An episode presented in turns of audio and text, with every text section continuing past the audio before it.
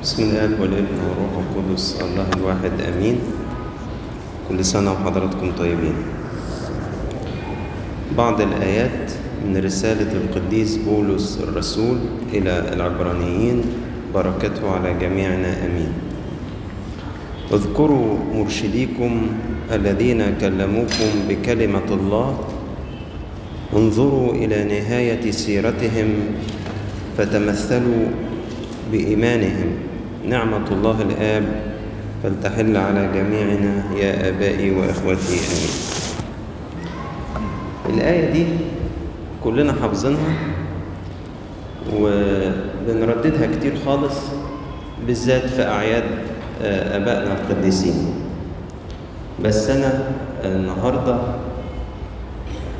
عايز أقرأ معاكم حاجة تحسسنا بالآية دي أكتر وأكتر. يعني إحنا حافظينها عن ظهر قلب وبنرددها بس أنا عايز يعني أحكي لكم حكاية تورينا يعني إيه فعلا سيرة قديس ممكن تأثر في حد تاني توصل بيه لفين. والسيرة اللي أثرت هي سيرة ماري جرجس اللي إحنا مجتمعين النهاردة في عشية عيد استشهاده أثرت في مين؟ أثرت في واحد من قديسي وشهداء الكنيسة في القرن ال 12 اسمه القديس الشهيد يوحنا الزيتوني. معظمنا ما يسمعش عنه. اسمه القديس الشهيد يوحنا الزيتوني. عيد استشهاده كان امبارح 29 أبريل. يعني هو تأثر بسيرة ماري جرجس واستشهد في اليوم السابق لاستشهاد عيد استشهاد ماري جرجس. أنا معايا السيرة بتاعة القديس يوحنا الزيتوني هقرأ منها فقرات معينة وهحكي في النص عشان يعني ما ناخدش وقت طويل. مين هو القديس الشهيد يوحنا الزيتوني. ده كان شاب شماس مسيحي رجل يعني مسيحي شماس في الكنيسة وكان تاجر أقمشة وكان في عهد الدولة الأيوبية الملك الكامل ابن الملك العادل. كان بيحكم مصر في ذلك الوقت. للأسف يوحنا مشي مشي مش كويس. وبدأ يتردد على أماكن للخطية. لما كان بينزل مصر يبيع الأقمشة بتاعته. واتعرف على امرأة غير مسيحية. وحبها لحد ما وقع معاها في الخطية. ويبدو إنه كان منصوب ليه فخ كمان. فتم إجباره على ترك الإيمان المسيحي. من أجل إنه يسيبوه ويتزوج بالمرأة دي. وده اللي حصل فعلا. أنكر المسيح ولعن وشتم وتزوج من المرأة دي وعاش معاها لما كبر وجاب أولاده وبقي شيخ. بدأ ضميره يصحى. وبدأ يتوبخ جدا. ويبقى نفسه يرجع للمسيح.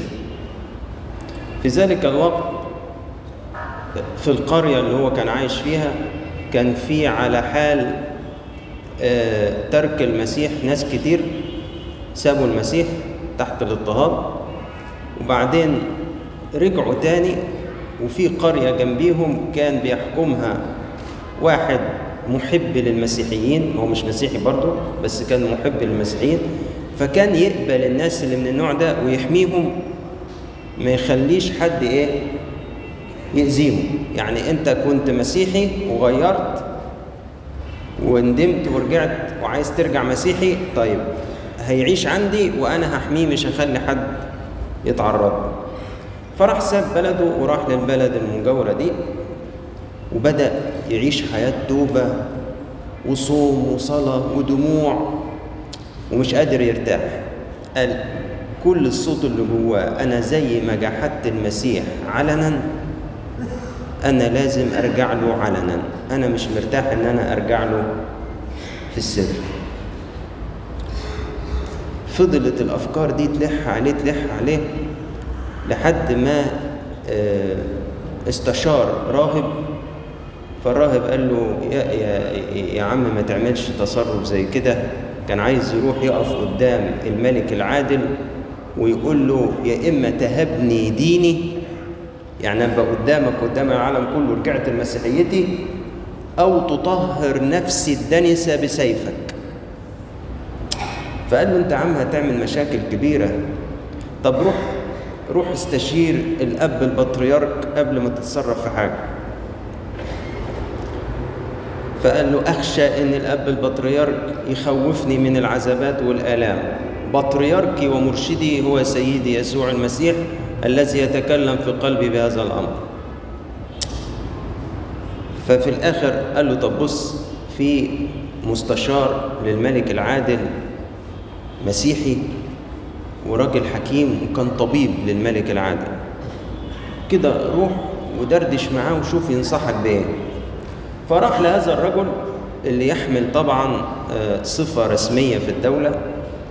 واحد من المقربين للملك العادل ومن الخاصة بتوعه بس مسيحي فحكى له حكايته. فقال له يا أخي ده أنت ما تعتبرش جحدت إيمانك. أنت تعتبر كذبت كذبة. وياما ما بنكذب. فخلاص بتقدم عنها توبة وبتعيش بينك وبين ربنا. أنا أخاف عليك. إحنا بنقول ولا تدخلنا في تجربة. أخاف عليك تعمل اللي في دماغك وفي الآخر ما تحتملش الآلام والعذابات. يا أخي الإنجيل بيقول متى ضيقوا عليكم؟ اهربوا من مدينة لمدينة. خليك أنت عيش في المدينة دي شوية وبعدين ما حدش دريان. ما ارتاحش. راح خد بعضه وراح كتب جواب للملك العادل. فيه الكلمتين دول. قال له أنا كنت مسيحي وبعدين غلطت وبنوا مصر أرغموني على ترك إيماني وأنا الآن لاجئ إليك. إما أن تهبني ديني أو تأخذ نفسي الدنسة وتطهرها بسيفك. طب خلاص اديك بعت جواب بقى. اهدى. الجواب ما تردش عليه. ما تردش عليه الجواب. ما وصلش ما اهتمش. الملك العادل بالأمر. الله أعلم. المهم هو في الحال دي في مصر. لقي جماعة أقباط من الصعيد رايحين يحضروا احتفالية زي اللي إحنا فيها دي بالظبط. عشية عيد ماري جرجس في الخمسين المقدسة. في قرية اسمها أبو النمرس في الجيزة. تمام؟ هنا بقى أقرأ لكم الكلام الحلو اللي مكتوب في السيرة. وكانت هناك قرية صغيرة غرب نهر مصر اسمها بن منرس فتعربت بعد كده وباسمها إيه؟ أبو النمرس وكانت بها كنيسة على اسم القديس جورجيوس وبها كان اسمه عروس.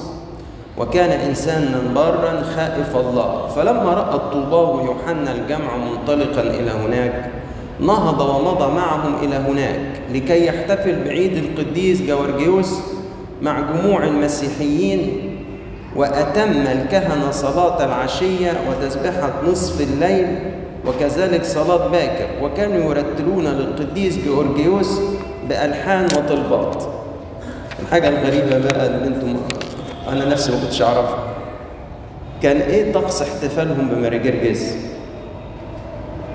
أما أهل الصعيد المؤمنين المسيحيين في عظم محبتهم للشهيد القديم عظيم الأبطال الشهيد جورجيوس يعيدون له سبعة احاد الخماسين ويقرؤون قصة استشهاده كل يوم أحد بألحان وإبصاليات تليق بكرامته يعني إحنا النهضة اللي عاملينها دي تكسف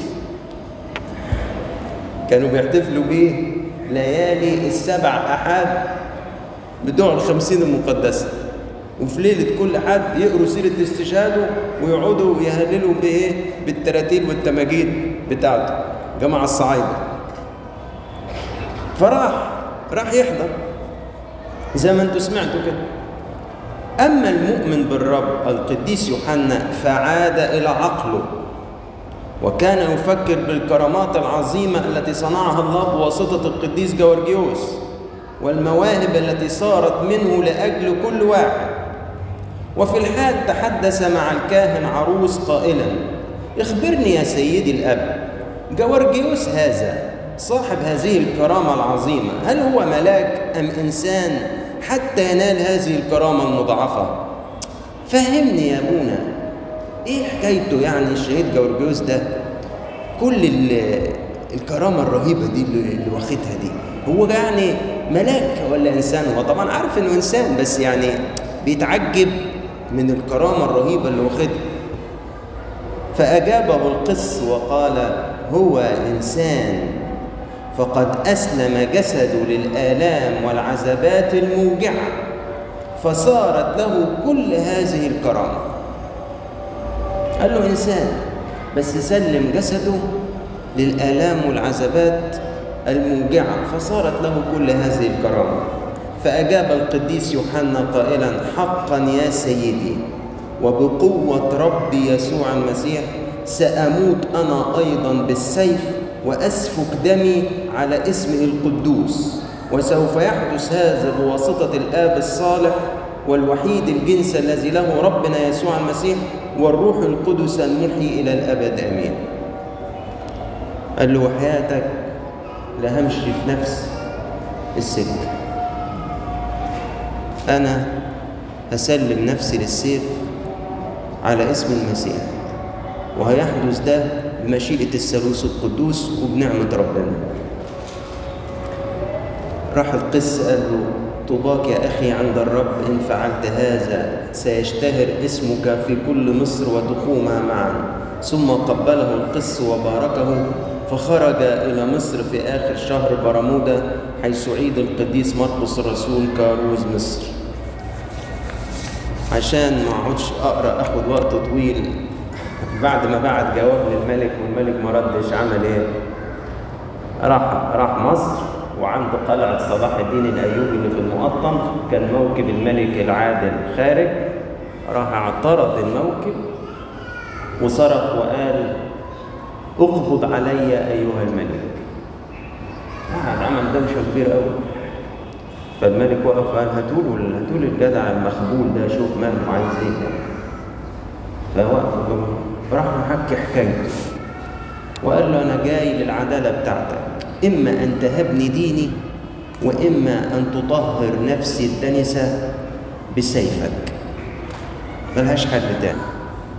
راح الملك استشار الشيوخ اللي معاه والوزراء. و قالوا له بص يومها لثلاث أيام يا إما يتوب ويرجع لدماغه يا إما إيه يقتل. ادوا له ثلاث أيام قاعد في السجن يصلي ويسبح ويهلل ويرنم وآخر انبساط قرب إيه يطول مناه خلصوا الثلاث أيام جابوه تاني. فراح خدوا الملك على جنب وقال له بص قدامي هنا هتقول إنك رجعت لعقلك وامشي وروح وعيش مسيحي زي ما أنت عايز ولا حد هيعمل لك حاجة. راح صرخ وقال له اما أن تهبني ديني أو تطهر نفسي الدنسه بسيفك. راح قال له بعد ثلاثة أيام تقطع رأسك. خد بعضه. وراح راجع مبسوط خالص. كان معاه شوية فلوس. اشترى أكل في السكة وزع للعساكر. قال لهم أنتوا تعبتوا معايا الأيام اللي فاتت. وكتر خيركم وتعبناكم يا رجالة وشكرا خالص. والعساكر حتى صعب عليهم. قالوا له يا عم طب نتكلم في أذن الملك. وزي ما قال لك روح يا عم واعمل اللي عايزه. قال لهم ابدا. وبعد ثلاث أيام قطع الملك العادل رأسه بالسيف وأصبح أحد قديس الكنيسة. لما تسمع سيرة زي كده تفهم يعني إيه؟ اذكروا مرشديكم الذين كلموكم بكلمة الله انظروا إلى نهاية سيرتهم فتمثلوا بإيمانهم. قعد من الصبح أنا أقول أنا عايز أستفيد حاجة. أنا عايز أستفيد حاجة من احتفالي بعيد ميلاد جرجس. فلقيت السيرة دي فقلت بص فعلا في ناس في ناس بتاخد الأمور بجدية وفي ناس مش بتروح تحتفل وخلاص. يعني راح احتفل مع الناس اللي رايحه تحتفل بص التأثير اللي حصل جواه قعد يتأمل كده إيه الكرامة دي كلها دي؟ إيه ده؟ ليه يعني مرجرجس ياخد الكرامة دي كلها؟ ويسأل الكاهن والكاهن يقول له الله ما ده سلم جسده للآلام والعذابات ف قال الله طب وأنا زيه أنا أنا أصلا الفكرة في دماغي من الأول إن أنا مش قابل فكرة إن أنا أنكرت المسيح علنا وقبلته سرا دي. مش بلحها. طب يا عم انت عملت اللي عليك وبعت جواب للملك والملك ما ردش. لا. وراح طلع وعمل اللي أنتوا سمعتوه. حقيقة سيرة الشهيد ماري جرجس فيها ملامح واضحة جدا لقيامة المسيح. لذلك من الحاجات الجميلة أن تأتينا هذه الاحتفالية وإحنا ب ب يعني بنحتفل بقيامة المسيح. من سنتين تقريبا أحد الأحباء الشمامسة بتوع الكنيسة أهدانا هنا في الكنيسة دراسة موسوعية لسيرة الشهيد ماري جرجس. دراسة أكاديمية قيمة جدا أصدرها دير ماري جرجس للراهبات في مصر القديمة. من من فترة كده كان في دوشة على النت كده وبعض الشباب بيدعي إن سير القديسين دي أساطير ومش حقيقية وسيرة مش حد اسمه ماري جرجس وكلام زي كده. فدير ماري جرجس للراهبات قام بدراسة أكاديمية علمية جدا و وأصدر موسوعة مجلد. بيأرخ لكل ما هو يختص بهذه السيرة. والشماس ده اقتنى نسخة وأهداها لينا هنا في الكنيسة. ف طلعت منها بعض العبارات البسيطة اللي ممكن تفهمنا يعني إيه قيامة المسيح. كانت واضحة في حياة جرجس يعني إيه قيامة المسيح؟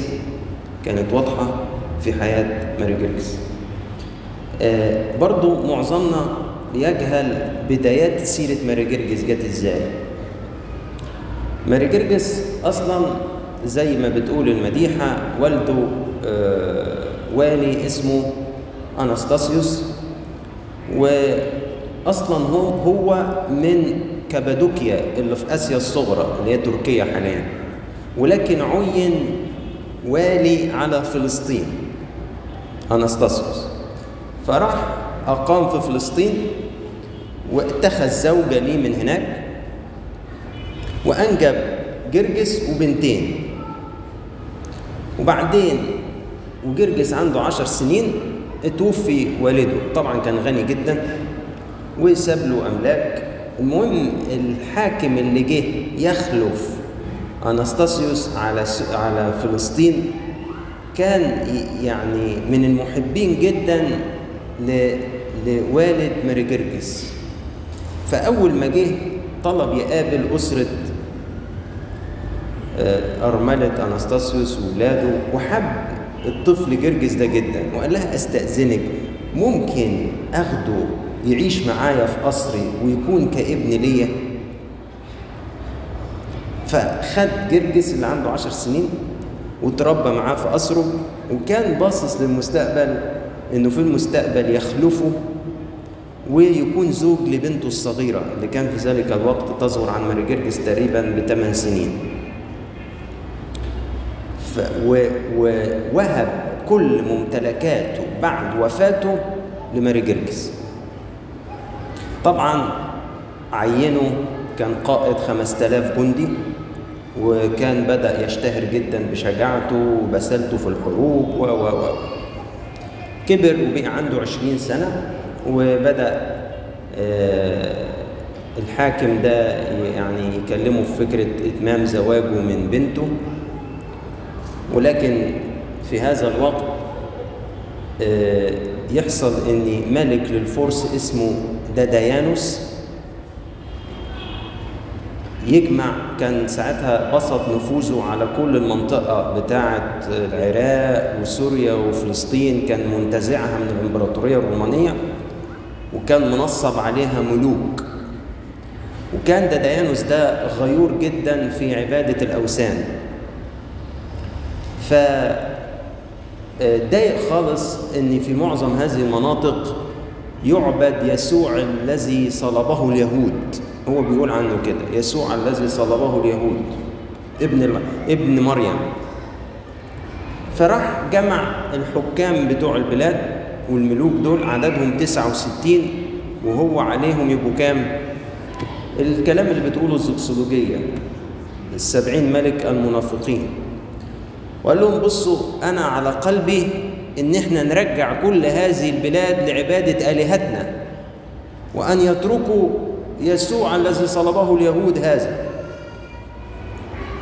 فقالوا له إيدينا على إيديك إزاي؟ قال لهم أنا هخترع آلات تعذيب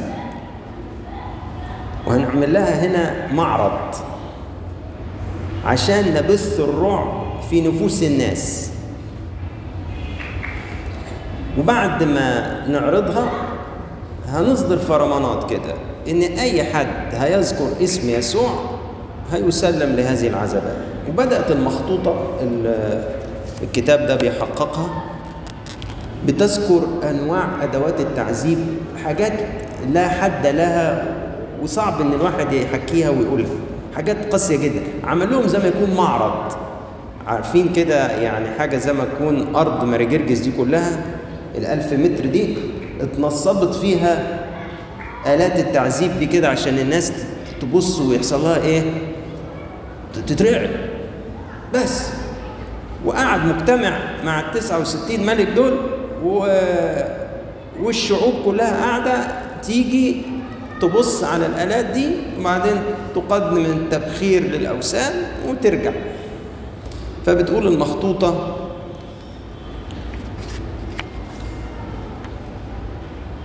إنه بسبب طغيان الملوك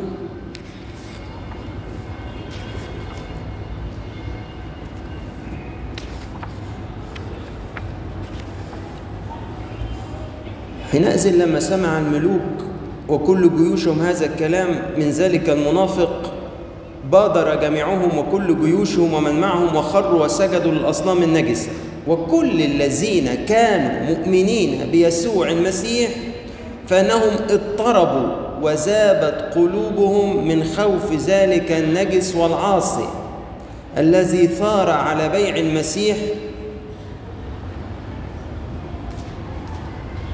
وفضلت الحال دي لثلاث سنين متوالية لا يكسر أحد من أهل المسكونة أن يقر أو يعترف بفمه أنه مسيحي.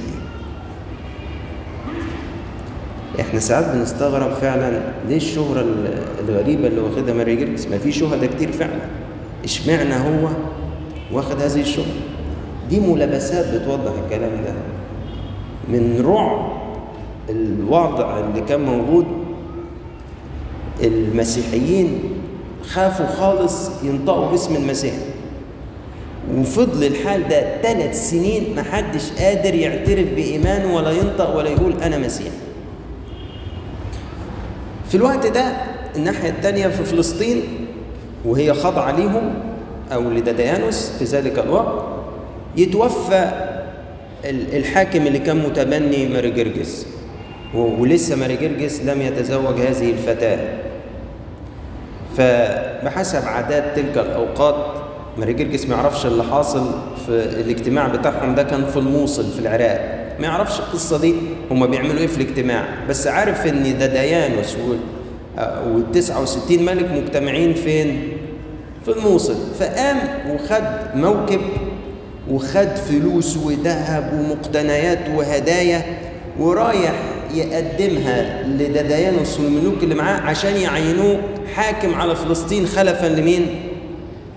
لأبوه اللي كان متبني ودي حاجة كان المتعارف عليها في ذلك الوقت فوصل الموكب لمدينة الموصل فإذ بالأخبار توصل مين؟ لجوارجيوس ده حاصل كيت وكيت وده الاجتماع بتاعهم بشأن آه تعذيب أي حد ينطق باسم المسيح وإقامة عبادة الأوثان من جديد. سمع البطل جوارجيوس هذا الكلام. وقعد يفكر كده وقال لا كده المشوار مش هينفع خالص. هتعمل إيه؟ راح فكر وصلى وقرر الآتي. قال كل الهدايا اللي معايا دي والفلوس دي اللي كانت لهؤلاء الملوك الأنجاس هوزعها على عبيدي دول اللي جايين معايا. وهدي كل واحد منهم صك حرية ليه. خلاص أنت مش ملكي يا عم أنا حررتك. وراح طلب منهم قال لهم حاجة واحدة هطلبها منكم محدش فيكم يرجع لبلدي إلا بعد وفاتي. مش عايز لا أمي ولا أخواتي البنات يعرفوا هذه الأمور التي ستحدث لي. أخاف عليهم من الحزن عليا وخاف عليهم من بطش الحكام. فمن فضلكم محدش يرجع اللد إلا بعد لما تسمعوا إن أنا استشهدت. بكوا وحاولوا يرجعوه عن رأيه وما لقوش فايدة. خدوا كل واحد من الخير اللي وزعوا عليهم وخد صك الحرية بتاعه ومشي. وراح بقى بدأ المسيرة اللي بعد كده إحنا نعرف إيه اللي حصل. راح قدام دديانس وال 69 ملك المنافقين وراح قال لهم أنا مسيحي. لا أعترف إلا بيسوع المسيح ربا. بعد كام سنة ما حدش جرؤ ينطق ثلاث سنين وفي بعض المخطوطات سبع سنين. وبدأ رحلة من العذابات شوية وعيد وشوية يعني ترغيب. والمسيح له كل المجد أقامه من الموت ثلاث مرات. و يعني كان بيشدده جدا وبيصنع بيه عجائب غير معتادة لدرجة إنه دديانوس طلب منه سرا قال له امشي من هنا واعبد المسيح في أي حتة زي ما أنت عايز. قال له ابدا. لحد ما في آخر السبع سنين قطع راسه بحد السيف وذهب ليعيد مع المسيح في ملكوته. الحقيقة السيرة طويلة ومليانة تفاصيل ومتاحة للقراية بس اللي لفت نظري إنه كاتب السيرة نفسه يعني مش أنا مثلا عشان عندي وعظة عن ماري في الخمسين فأنا بحاول أربط بين ماري وبين القيامه لا كاتب السيرة نفسه بيقول كده. بيقول كده. حين رفض بإرادته جميع أمواله وكثره غلمانه وبهجه قصوره وحمل صليبه وتبع سيده يسوع المسيح بقلب مستقيم. وعلى الجملة صنع مسرة الله بجملتها وتمامها وغلب جميع الأفكار التي تعوق عن الفضيلة وتصير له شكا إلى محبة العالم وعبادة الأوثان التي هي النظر إلى هذا العالم الباطل كحكم المستيقظين واشتاق بكل قلبه إلى السمائيات وهو متذكر في كل حين كلام المغبوط بولس لسان العطر إذ يقول إن كنتم قد قمتم مع المسيح فاطلبوا ما فوق حيث المسيح جالس عن يمين الله. يعني مش تأمل مني إني بقول السيرة بتاعته أكبر شهادة لقيامة المسيح. مش تأمل مني حتى كاتب السيرة نفسه. بيبص لتصرفات ماري جرجس والحسبة اللي حسبها بدماغه وبإيمانه. واللي استهان بكل الأمجاد اللي معاه واللي كان ممكن ينولها لو طوعهم. وراح قال لك الله ما هو ده اللي قاله لسان العطر بولس لما قال إن كنتم قد قمتم مع المسيح فاطلبوا ما فوق حيث المسيح جالس. إحنا النهارده نسمع السيرة دي. إحنا بنكسر الوصايا. بنكسر الوصايا لأجل كلام هايف. صدقوني. قدام سندوتش برجر ولا بيتزاية بكسر صوم الأربع والجمعه بيحصل ولا ما بيحصلش؟ عشان أصلي مسافرين في صوم الرسل يا ابونا وخساره القرية أقول انكلوسيف ودافعين فيها قد كده وديك عارف وبتاع. يعني ما حبكش الاربع والجمعه يعني طب ما الفلوس اللي دافعينها دي تروح فين؟ تحسوا إن إحنا لو ما رجرجش شافنا. لا مش هنعدي معاه خالص. يعني أيوه أنتوا بتقولوا إيه؟ واحد أنا عرضت لكم الحسبة اللي حسبها. وريتها لكم يعني. وحكيتها لكم زي ما هي جاية في المخطوطة كده. الحسب بتاعتنا إحنا خيبانه خالص. تيجي بعد كده أقول إيه؟ ما أنا أصل هعمل إيه طيب؟ ما أنا ضعيف وأنا أصل ما قعدت ألعب على الموبايل ومش عارف وبعدين ما بقدرش أصل بصراحة لما بكون فاضي يا ابونا مش لاقي حاجة أعملها ما بلاقيش حل غير إن أنا أفتح المواقع الوحشة. أو اصلي اصل أنا طب ما أنا هعمل إيه برضو ما أنا لازم أصلي أطاطي للناس دي وأمشي معاهم في الكلام. ما عشان تمشي حالك أبونا وسط كل الدنيا كده. أو إن أنا مثلا ألبس توب مش توبي عشان أوصل في الشغل. يعني إيه ألبس توب مش توبي؟ ها في كلام مش مسيحي. لازم أقوله. وأنتوا فاهمين اللي أنا بلمح ليه يعني. ما في شوية كلام كده يا أبونا لازم نقولهم عشان الجماعة يرضوا عننا. يعني الواحد يحبوني يعني وكده يعني. يبلعوني شوية يعني. أترقى ولا أعمل ولا أسوي. أنا أنا أنا ماليش دخل.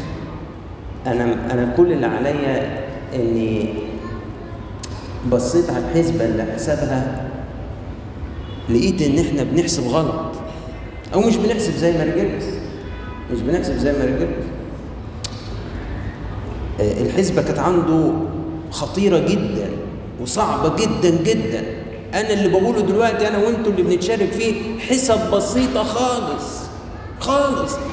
إحنا ما دخلناش في امتحانات high level بأمانة إحنا ما اتحطناش في امتحانات high level إحنا امتحاناتنا بسيطة الحمد لله. بس يعني ما يصحش في الامتحانات البسيطة. يعني ما نجاوبش.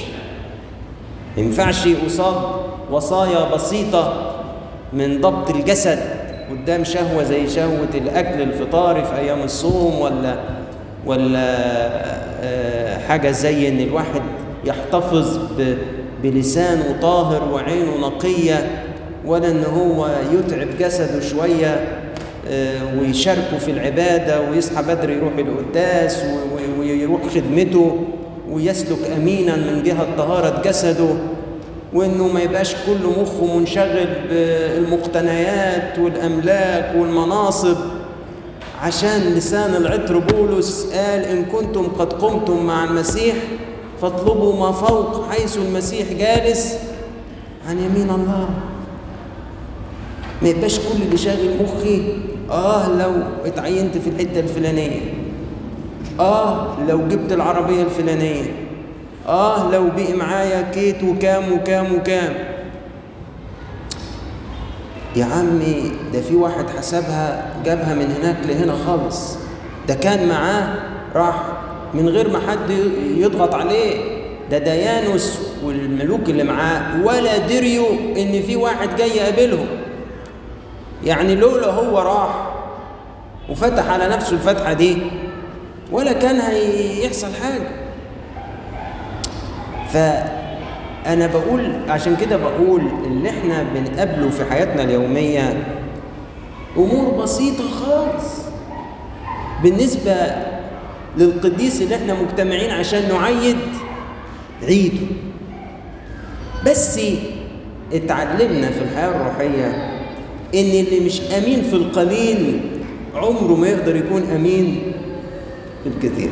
يعني إن ما حفظناش الوصايا الصغرى انسى وأنسى إن إحنا نقدر نحفظ الكبرى. يعني لو ما ضبطتش عيني وأنا ماشي في الشارع وحفظت عيني نقية طهرة وجسدي نقي. لو ما عملتش كده ما أقدرش احفظه في ساعة تجربة زي بتاعة يوسف وامرأة إيه؟ خطفاء ما أقدرش. لو ما ضبطتش نفسي من الطمع في المقتنيات والأموال و ما أقدرش أحتمل صليب الخسارة. لو ربنا سمح بيه في حياتي ما الخسارة دي نوع من أنواع الصليب. واحد يخسر حاجة في مقتنياته يخسر حد من أحبائه يفقده مش عارف إيه. إن ما كنتش أنا واجهت الطمع اللي جوايا وبنعمة المسيح ضبطته أمال لما يجي مش هقول بقى مكاسب بدور عليه أمال لما يجي وقت فيه خسارة أعمل إيه؟ هل هقدر أثبت؟ لا مش هقدر أثبت. لما أخاف لما أسأل أنا ما بقولكش يا عمي اطلع امشي في الشارع وقول أنا مسيحي بس لما تسأل أنت مسيحي ولا لا تقول طبعا مسيحي. ولما يجي واحد يقول لك كده كلمة ولا بتاع ما تناسبكش في إيمانك ما ينفعش توافقوا عليه. الله ما لو لو ما مرتش من دي امال إزاي اثبت لو شفت آلات تعذيب منصوبة؟ ولذلك في اعتقادي إن شهدائنا الأقباط في ليبيا آه كانوا بسطة من حيث تعليمهم إنما كانوا عظماء في الإيمان. يعني ممكن يكونوا بسطاء في لبسهم. في مستواهم المادي في مستواهم الاجتماعي بس ما كانوش بسطاء في رصيد الإيمان. كانوا عظماء في رصيد الإيمان بتاعهم. وإلا المنظر اللي إحنا شفناه كانوش يقدروا يحتملوا وطبعا نعمة الله بتسند زي ما سندت ماري جرجس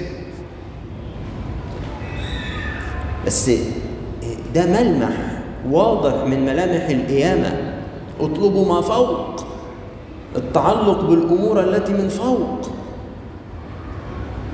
ملمح آخر من ملامح القيامة غلبة الخوف. ودي طبعا بداية السيرة بتاعته. يقول لك لما الملوك دول نصبوا آلات التعذيب كده لمدة ثلاث سنين مفيش حد قادر ينطق باسم المسيح. لحد ما جه جورجيوس وراح نطق باسم المسيح كسر حالة الخوف وعنها وانتهت. ما عادش حد تاني يخاف. من ساعة ما هو كسر حالة الخوف وكل يوم ناس يستشهدوا. طول السبع سنين دي اللي هو بيتعذبوا يعترفوا بالإيمان ويستشهدوا. يعترفوا بالإيمان السيرة بتاعته اللي موجودة في المخطوط دي كل شوية يحكوا عن ناس تشددوا بسبب إيمان ماري جرجس والمعجزات اللي بتحصل فيجي كاتب المخطوطة يقول لك إيه؟ وأكملوا شهادتهم. وانضموا إلى القديسين. أكملوا شهادتهم. وانضموا للقديسين أكمل. الله يا جدع ده ما كانش حد قادر ينطق. ده ده ده ثلاث سنين ما حدش بينطق. إيه كل دول كل دول كل دول؟ قال لك ما هو في واحد غلب الخوف. فلما نطق الناس اتجرأت. غلب الخوف إزاي ده؟ بروح القيامة من الأموات. عشان كده بقول إن السيرة دي سيرة معطرة بروح القيامة. فربنا يعني يدينا إن في الوقت البسيط ده اللي نحتفل بيه بعيد ماري جرجس إن إحنا يعني حاجة تتغير في قلبنا. كل واحد كده يصلي يقول يا رب نفسي حاجة في قلبي كده إيه؟ تتغير. نفسي حاجة كده آه، نعمة كده تزور قلبي وتغير حساباتي وطريقة تفكيري.